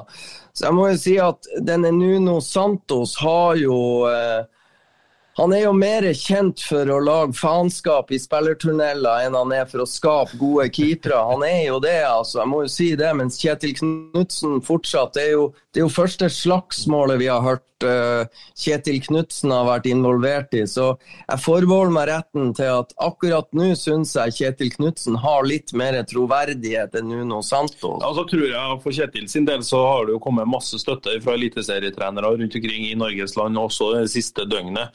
Etter kampen uh, i går så er det jo flere som har på en måte sympati med, med, med Kjetil og, og, på hva han har opplevd. Og så eh, kan det jo være altså Dette her står for min regning. Min min teori. Men la oss si at dette var en kjempeplanlagt handling da, for å prøve å framprovosere en disiplinærsak eh, overfor Kjetil eh, Knutsen, at dette var en planlagt eh, handling fra Roma sin side. Så kan jo godt Roma ofre en keepertrener som blir suspendert. Men at han kanskje også da drar med seg Kjetil Knutsen i en, i en disiplinærsak. At det ender opp med at Kjetil må sitte på tribunen mot Roma sammen med at keepertreneren må gjøre det samme. Det, det, det, det, kan jo faktisk skje. Det kan faktisk det som blir løsninga på dette, er til syvende og sist at uh, som sagt, Roma ofrer en, en uh, keepertrener og drar med seg hovedtreneren. Igjen bare for å ødelegge mest mulig for Bodø-Glimt. Når vi tar opp det her, så er det ikke kommet et utfall i denne disiplinærsaken som Uefa bekrefter at de har oppretta eh, på, på, forholdet. da. Eh, Freddy, du snakka med Jonas Uland Kolstad her på søndag. Er det han som skal i garderoben til Roma på Stadio Olympico og ordne opp? Jonas Kolstad sa når jeg spurte han at hadde Kjetil prøvd seg på meg, så han hadde han ikke fått det like lett som han fikk mot keepertreneren til til Roma. så nei, altså Jeg tror eh, det som eh, Jeg tror eh, Altså, Kjetil Knutsen er jo prega av det her, men jeg syns Kjetil Knutsen sto godt opp. Han feisa verden på søndag som trener for Bodø-Glimt borte mot Sandefjord, og leda guttene på forbilledlig vis til en ny 2-1-seier. Jeg tror i sum en sånn opplevelse som det Bodø-Glimt, hele Bodø-Glimt som klubb, opplevde i, etter, altså, i, i, minuttene etter kanskje klubbens største seier, nemlig 2-1 hjemme mot et, et, Roma som fikk lov, lov å få et tredje forsøk til å slå Bodø-Glimt. Eh, og det at eh, Bodø-Glimt likevel klarte å, å, slite seg til en 2-1-seier når Roma fikk et ledemål eh, tre minutter før pause. Det, det, å oppleve noe sånt i jubelrusen i etterkant av sin kanskje største seier foran 8000 tilskuere på Aspmyra, tror jeg kan være med å samle Bodø-Glimt som klubb enda mer. Jeg synes på en måte Måten Frode Thomassen gikk ut i pressemelding og forsvarte sin ansatte Kjetil Knutsen var forbilledlig. Jeg syns det var offensivitet. Sa mye mer enn jeg frykta at Bodø-Glimt skulle komme til å si. Men jeg tror, eh, jeg tror Bodø-Glimt som klubb kan samle seg, både hele administrasjonen med Frode Thomassen i spissen, og ikke minst det trenerkontoret med seks trenere, og ikke minst spillergruppa også. Jeg tror, eh, jeg tror i til slutt og til syvende og sist så kommer klubben til å stå enda sterkere samla eh, enn de gjorde før denne incidenten. og eh, det er en av, av styrkene til Bodø-Glimt eh, de siste årene. Det er på en måte å, å bruke sånne uforutsette situasjoner som det er til egen fordel, og komme styrka ut av det. At de tør å ikke minst gå i i strupen på mektige Roma. At de på en måte uh, virkelig Roma er en gigantklubb uh, som har uh, oppnådd mye suksess opp gjennom historien sin, og at man da på en måte den på den måten også tør å på en måte ikke la Vi er ikke noen liten klubb i Nord-Norge, snarere tvert imot. Vi står opp mot den store, mektige. og Det jo, tror jeg gjør sitt til at Bodø-Glimt også som sagt kommer styrka ut av dette her.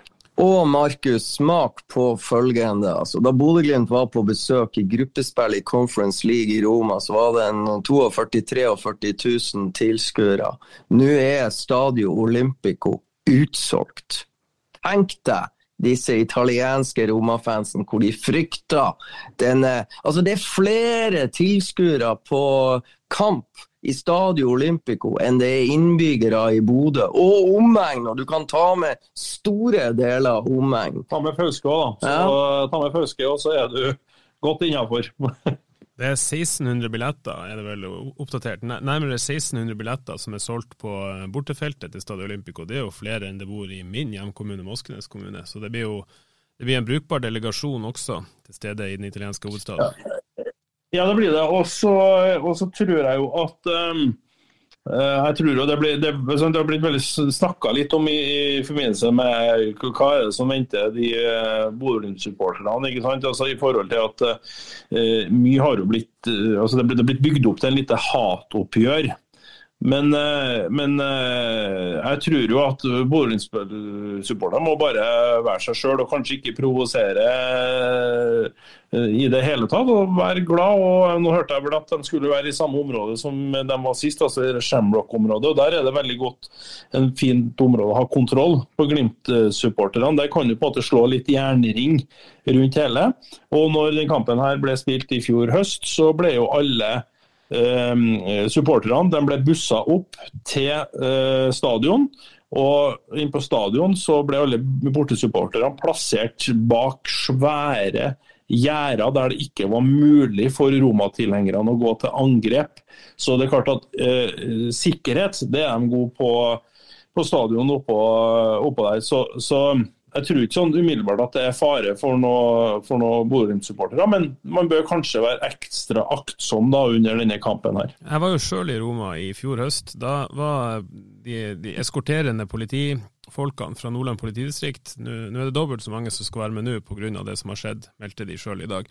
Eh, da var de veldig opptatt av dette med å ikke gå i små grupper i, i Glimt-effekter og trøyer. Det var ikke alle som etterfulgte det, riktignok, men, men det var de opptatt av. Uh, og så var det jo sånn at det var shuttlebusstjeneste opp til stadion, og det var adskilt, som du sier. Og, og etter stadion så ble jo faktisk bortefansen holdt igjen i nærmere halvannen time. Uh, halvannen time før eh, busser frakta de tilbake til sentrum via en lang omvei nord for Roma sentrum. Så de tok virkelig forholdsregler sist. Uh, men Freddy, du, Freddy og Arne for så vidt, dere har vært og reist mye. har dere noen råd, noen, noen, innspill til de som skal reise, og, og kanskje kjenne litt på det at det betyr litt mer for det mest hardbarka Roma-fansen nå enn det gjorde i høst? Nei, altså, jeg, har, jeg, må, altså, jeg, vil jo skryte uhemma av eh, de Bodø-Glimt-supporterne som har reist med laget. Eh, bare for å ta um, siste som er det freskeste, som er Aset eh, på torget på Alkmaar. Der så hadde jo nederlandsk politi de hadde jo på en måte mer eller mindre Eh, kjørte ut pansra kjøretøy, de stilte mannsterk opp med politi. Og så er da Bodø-Glimt-supporterne på torget her og er bare, egentlig bare en helt eh, fantastisk Rojarne, jeg, jeg må avbryte. Eh, ja. Det er akkurat kommet pressemelding fra Uefa om at Kjetil Knutsen er suspendert fra torsdagens kamp mot Roma, sammen med keepertrener Nuno Santos. Ja. Men da fikk jeg litt rett i antakelsene mine, for jeg tror det der har vært en bevisst handling fra Roma sin side. At de har prøvd å trakassere Kjetil så mye at det kom til å bli en disiplinærsak ut av det. Og dessverre så blir det sånn. Det er bare rett og slett eh, kjempetrist. og Nå vet jeg hvordan ankemuligheter Bodø-Glimt har på den avgjørelsen her. Det har de selvfølgelig mm, om å bruke den, det døgnet her veldig godt. ikke sant? Og da eh, jeg er litt sånn overraska, fordi at det, det, videomaterialet her skal jo da være eh, Skulle han ha i utgangspunktet vært godt nok da, til å frifunne Kjetil Knutsen, men eh, Ja. Freddy, det, det, det Freddy reaksjon. Umiddelbar reaksjon på det.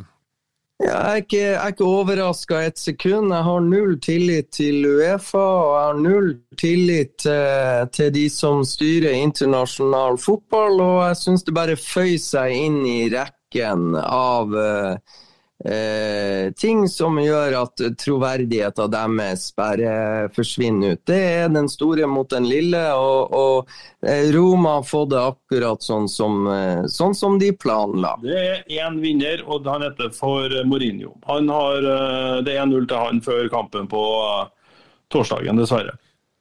Eh, uten at det, det er kommet frem så mange detaljer. Meldinga kom som sagt akkurat nå når vi sitter her og tar opp det her. Eh, Men jeg vil jo gå sterkt ut fra at det betyr at Kjetil Knutsen ikke får lov å være i garderobeområdet før og, og under og etter kamp. Hvor, eh, hvor stort slag er det i, i ansiktet til Bodø-Glimt og kampforberedelsen og kampgjennomføringa deres, Freddy? Det fine er at uh, Kjetil Knutsen uh, sitter vel på et fly og reiser med Bodø-Glimt. Jeg vet ikke om han har landa i Italia, men han kommer jo, han kommer jo til å lande i, i Roma og få den her i fleisen. Men uh, Bodø-Glimt har noen dager på seg til å uh, finne ut hvordan de skal bruke det her til det beste for seg sjøl. Og det fine er at Kjetil Knutsen kan prate med guttene sine, ha sine møter med guttene sine osv., så, videre, og så, videre, så tror jeg det at hovedjobben eh, til Kjetil Knutsen vil jo da bli eh, inn mot kamp og klargjøre guttene til de setter kursen mot Olympiastadionet i Roma. og Det kommer de jo til å vente eh, i det lengste med å gjøre. Så eh, jeg tror eh, selve kampledelse, så, så er det klart han er en karismatisk fyr, og Glimt er svekka av det. Men jeg tror de har tid på seg til å snu det om til egen fordel. Og så har, altså det er I en sånn situasjon som er, så har Bodø-Glimt en ankemulighet. De må ikke godta Uefa sitt, eh, sin avgjørelse. Så de vil nok antageligvis jobbe på spreng nå med å levere inn eh, en, en anke på denne avgjørelsen. her. Det er jeg overbevist om at Bodø-Glimt vil, vil gjøre. Og så får vi håpe at spillerne er, er styrka. Eh, også i den forstand at de yter og blør litt ekstra for Kjetil Knutsen eh, i kampen på torsdagen. Det, det tror jeg, altså. Og det som er en annen ting, ikke sant, Markus, med, med, med 70, 70 000 tilskuere på stadion, så er det eh, det er ikke så lett å høre hva som blir sagt fra sida, eh, og det er ikke så lett å gjøre justeringen. Det er klart, du vil, du vil eh, ikke ha Kjetil Knutsen i, i pausen, men du har fem andre som har jobba tett med Kjetil Knutsen, som eh, får steppe opp og ta ansvaret. Du har en Åsmund Bjørkan, du har en Morten Kalvenes, du har en Jonas Kolstad, og du har eh, Ørjan Nygaard og du har Robert Hauge. Så det, det er på en måte mest frustrerende at eh, et sånt skittent spill fra portugisere i en itali flott italiensk klubb eh, lykkes med, med sitt spill, og så er det etter min vurdering ekstremt feigt av Uefa å gå til en sånn billig løsning og utestenge keepertreneren til Roma og hovedtreneren til Bodø-Glimt. De tar virkelig ikke vare på askeladdene rundt om sine egne, i sine egne turneringer. Jeg er ikke overraska, men jeg tror igjen Bodø-Glimt har tid til å komme styrka ut. Og som Roy Arne påpeker, Eh, Bodø-Glimt har tid antageligvis til å anke og på en måte skape så mye støy som de kan rundt eh, den saken her. Og jeg tror også at det vil bli eh, fortgang i at denne videoen blir lekka, egentlig også. fordi at eh, eh, skal ikke forbause meg det at vi neste døgnet kanskje også ser at denne videoen her er ute i, i media, sånn at folk får da eventuelt se og gjøre opp sine egne meninger. Det, ja, for at eh, det virker jo sånn for meg at hvis den videoen da eh, er, som viser hendelsesforløpet, så har jo ikke Uefa brydd seg om det nesten i det hele tatt. Eller det kan jo Ikke sant. Eh, Vi skal jo OK. Eh, Det er jo Er det ikke sånn i dommere Han som eh, provo... Det er i hvert fall sånn i amerikansk fotball at den spilleren som provoserer og dytter i en eller annen motspiller, og så kommer det en motreaksjon fra vedkommende som ble dytta, så er det jo gjerne motreaksjonen som eh, som dommerne ser, ikke sant. Men det er jo en fjerdedommer her også som har observert den trakasseringa gjennom 90 minutter pluss også. Det er rart at ikke han har på en måte levert sin vurdering av eh, det han har opplevd også? Jo, men der har vi fjerde dommer. Det var da et dommerteam eller en dommer, ja, et dommerteam fra Nederland. og De lot jo, ifølge Kjetil Knutsen, fjerdedommeren lot jo Nuno Santos stå der i området som bare José Mourinho og Kjetil Knutsen egentlig har lov å stå i. De lot jo han stå der og slenge med leppa til Glimt-benken uten å ta affære. Dette gjorde Glimt fjerdedommeren oppmerksom på opptil flere ganger. Og det var jo en av de tingene Kjetil Knutsen var frustrert over på pressekonferansen. At fjerdedommer ikke gjorde noe med det. Så eh, fjerdedommeren og dommerteamet har ingen og, og, eventuelle rapporter fra dem har ingen troverdighet i mine øyne, dessverre. Mm det ser også ut som om uh, Nå fikk jeg akkurat tilsendt uh, grunnlaget for avgjørelsen her. Um, og der står det at han er foreløpig suspendert for, i de kampene i Uefa-konkurransen som han vil delta i, uh, helt til Uefas etiske og disiplinærkomité da har tatt en avgjørelse. Så det ser også ut som dette er en på en måte, det, det er ikke en endelig avgjørelse, kanskje. Um, så, så, det er vel ikke 100 avgjort, og det kan vel hende at det kommer en avgjørelse i denne komiteen før kampen på torsdag. Men akkurat sånn som det ser ut ja, nå, så er altså Kjetil Knutsen uh, i utgangspunktet suspendert for bortekampen mot Roma. Ja, nei, det, det, er jo bare trist, men, eh, men igjen, nå må Bodø-Glimt på banen og få eh, skrevet en anke og, og understreke at det finnes videomateriale der som uh, da Uefa må få kikka på fort som bare, som da på en måte er veldig forklarende. Men, men igjen, det skal ikke forbause meg om dette var en planlagt trekk fra Roma sin side fra før kampen starta på torsdagen. Og at dette her, eh, at Roma de har råd til å ofre en en uh, trener, en uh, keepertrener, uh, og håper på å få med seg Kjetil uh, Knutsen i dragsuget. og Det virker jo som at det har de jo klart å lyktes med. Ja, og så Markus, så, så, er det jo, så er det jo den, tilbake til denne videoen. Ja, så får vi jo da ikke sant? OK, viser videoen at Nuno Santos tar et grep rundt halsen på Kjetil Knutsen. Og så er det jo da OK, det ser vi, ja. Og så er det jo hvor kraftfullt valgte Glimt-treneren å legge denne portugiseren i bakken. og i det hele tatt, og Hva vises eh, av det, og hvor kraftfullt var det? Og, og i hvilket jerngrep holdt han denne keepertreneren, og hvor lenge? Ikke sant? Så nei, den eh, gleder meg til den dagen verden får se videoen. Da, da, blir det jo mye lettere for oss å bedømme det, i hvert fall. Men uansett så er det skrevet inn i historiebøkene for evig, denne kampen, uh, fighten mellom uh, Bodø-Glimt og Roma, der Bodø-Glimt altså på over tre kamper nå har tatt skalpen på Mourinhos menn. Og dette vil stå i historiebøkene. Dessverre også vil det stå i historiebøkene at Kjetil Knutsen da ble suspendert etter de tumultene som har vært der, og det er egentlig ja, det er trist. Det, er, er veldig, det er tema, et, et, spørsmål jeg hadde før nyheten kom og tenkte jeg skulle stille, stille dere, og kanskje særlig deg, Freddy. Uh, Kjetil sjøl var inne på det her i intervjuer i forbindelse med Sandefjord-kampen. Men han, han, gir uttrykk for han synes det er veldig leit da, at dette på en måte skal hefte ved hans omdømme på et eller annet vis. Han sier også at uh, Eh, opplever han ting som det her igjen, ja, så vet han ikke om, fot, om fotballen og, og, fotball på det her nivået er, er, det han har lyst til å holde på med. Tror du, tror du det her kan eh, påvirke fremtidige karrierevalg for Kjetil? Ja, jeg tror det. Og jeg tror det allerede har fratatt han deler av gleden han hadde med å være trener på det nivået her. Eh, og jeg skulle Akkurat nå er jo akkurat det at Uefa kommer til den konklusjonen her, så tør jeg egentlig ikke å tenke på eh, hvordan Kjetil eh, kommer til å reagere på det. Og, og, jeg håper at han har, og vet at han har, sterke folk rundt seg i Bodø-Glimt. Og hvis han eh, skulle på en måte få lyst til å trekke seg fra absolutt alt, noe som jeg tror kanskje når han føler seg, hvis han føler seg for urettferdig behandla som følge av det her, så kan det være lett at nei, det her gidder jeg helst ikke, ikke å være med på.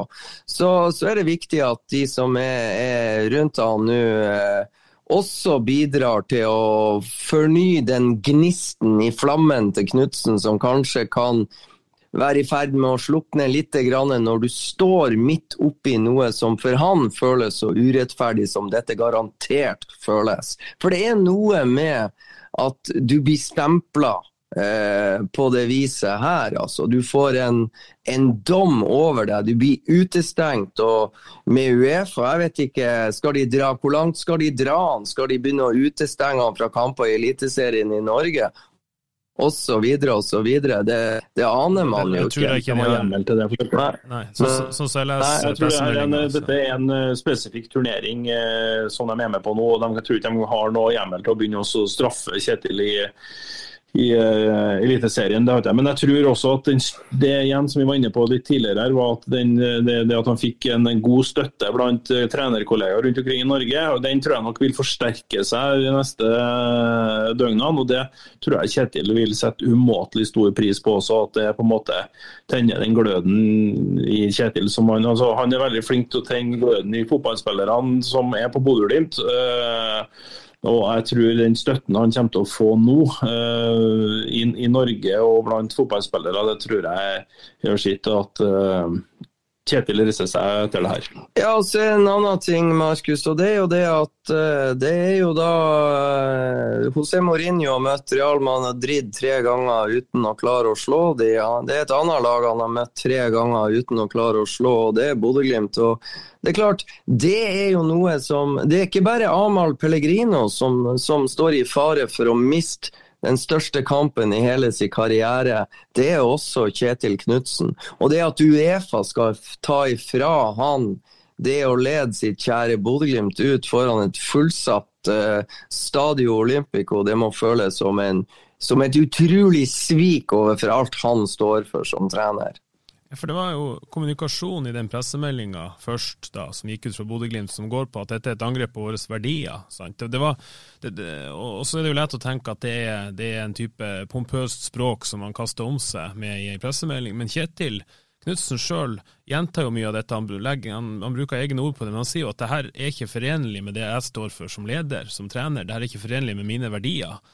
Um, eh, altså, det her er jo eh, du var inne på at han må føle det her utrolig urettferdig.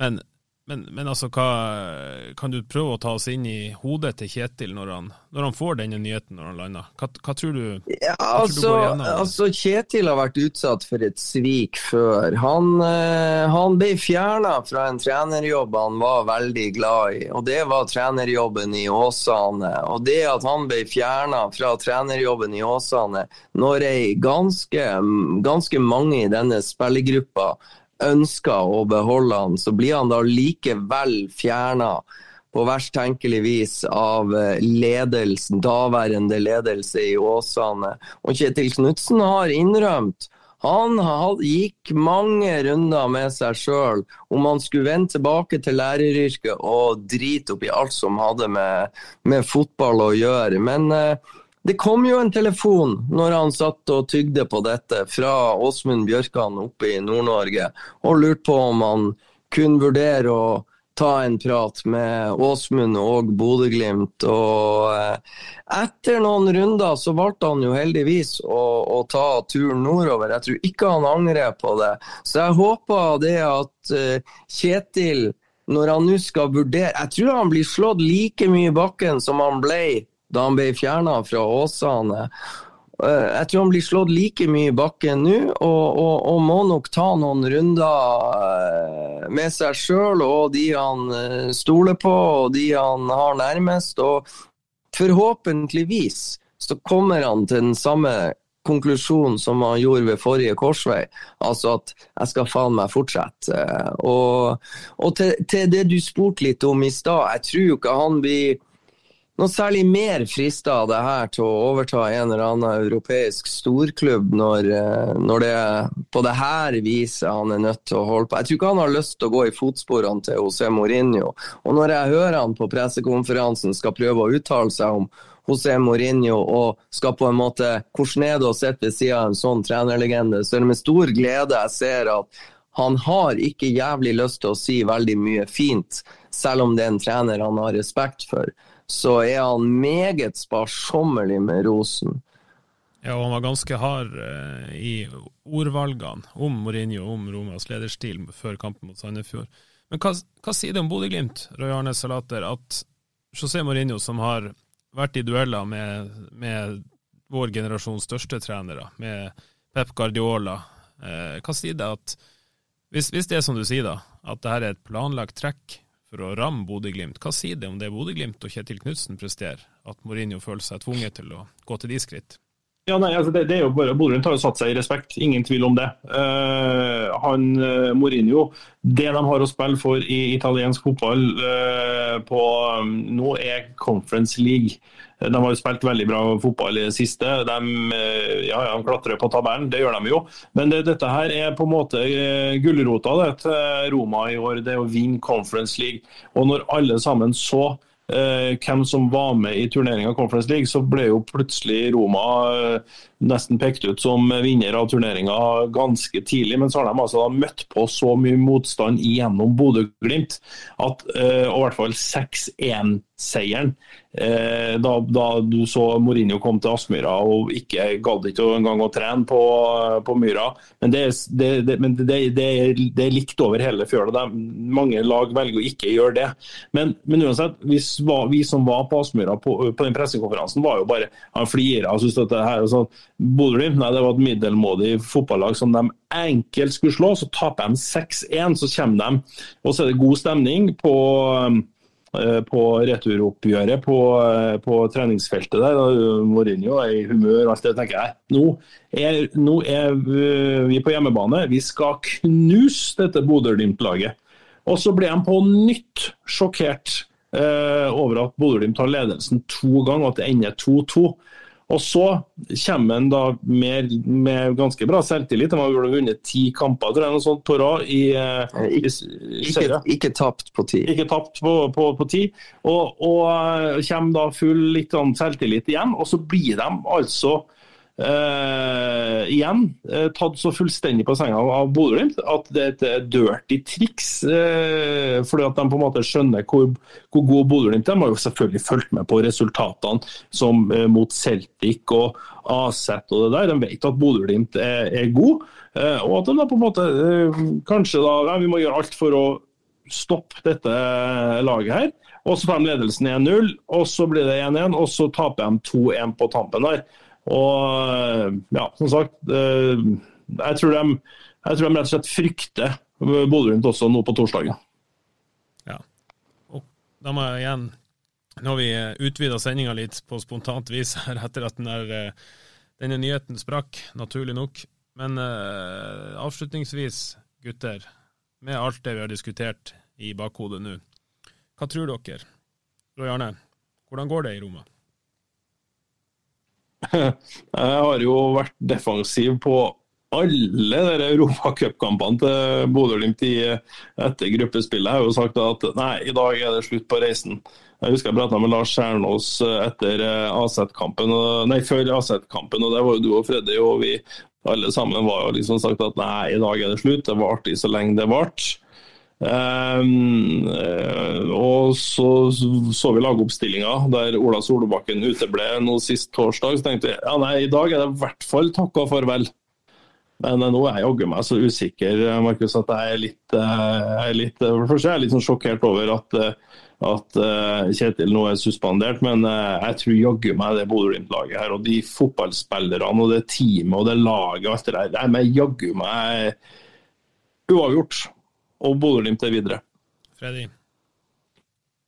Ja, jeg skulle, skulle, til å si det. At uh, jeg tror i utgangspunktet at det blir uavgjort på, på Stadio Olympico. Og hvis uh, Roma så, så, Jeg kunne ha slengt ut at Roma vinner lett 3-0, men jeg tror hvis, hvis Roma slår Bodø-Glimt, så tror jeg at vi kommer til å sitte og diskutere både dommeravgjørelser og, og tilfeldighet av en annen verden. Det er mulig Pellegrini kan, kan skyte et par skudd i krysset bak Nikita Aikin, men det blir et, et Glimt-lag som kommer til å selge seg ekstremt dyrt. Og, og jeg tror det blir marginalt. Men eh, det blir marginalt uansett, men jeg tror eh, Bodø-Glimt eh, sliter seg til en uavgjort der, og Glimt går videre. Siden jeg er programleder, så får jeg æren av å komme med fasit. Det blir 2-0 til Bodø-Glimt. Da er vi enige om det. Fantastisk. Ja. Vi heier på deg, Markus. Takk til dere i Laisvall. Nå skal du snart få lov å gå og feire 50-årsdagen til, til, din kone. Det setter hun sikkert pris på, så vi håper at hun får trøste seg med en halvannen times podkast, i alle fall, når du har brukt tida med oss. Uh, Jeg skal videreformidle hilsning videre. Supert. Uh, så må dere huske, alle dere som forhåpentlig hører på episoden, at vi tar imot ris og ros på Twitter, Studio Glimt. Bruk hashtag Studio Glimt for å spille inn temaer som dere ønsker at vi tar opp. Og så skal dere slett ikke se bort fra at det blir en aldri så liten bonusepisode uansett hvordan det går i Roma skjærtorsdag. Tusen takk for følget.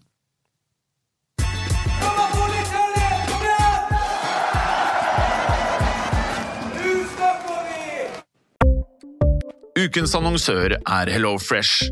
HelloFresh er verdens ledende matkasseleverandør og kan være redningen i en travel hverdag. Mange av oss har nok vandret i butikken både sultne og uten en plan for middagen, som ender med at vi går for de samme kjedelige rettene gang på gang.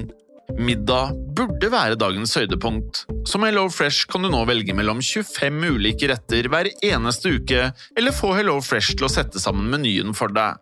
Dette gir deg muligheten til å prøve nye og spennende retter alene eller sammen med familien. Du velger antall porsjoner og får alt levert på døren på et tidspunkt som passer for deg. Oppskriftene er enkle, og maten er lett å lage både for store og for små.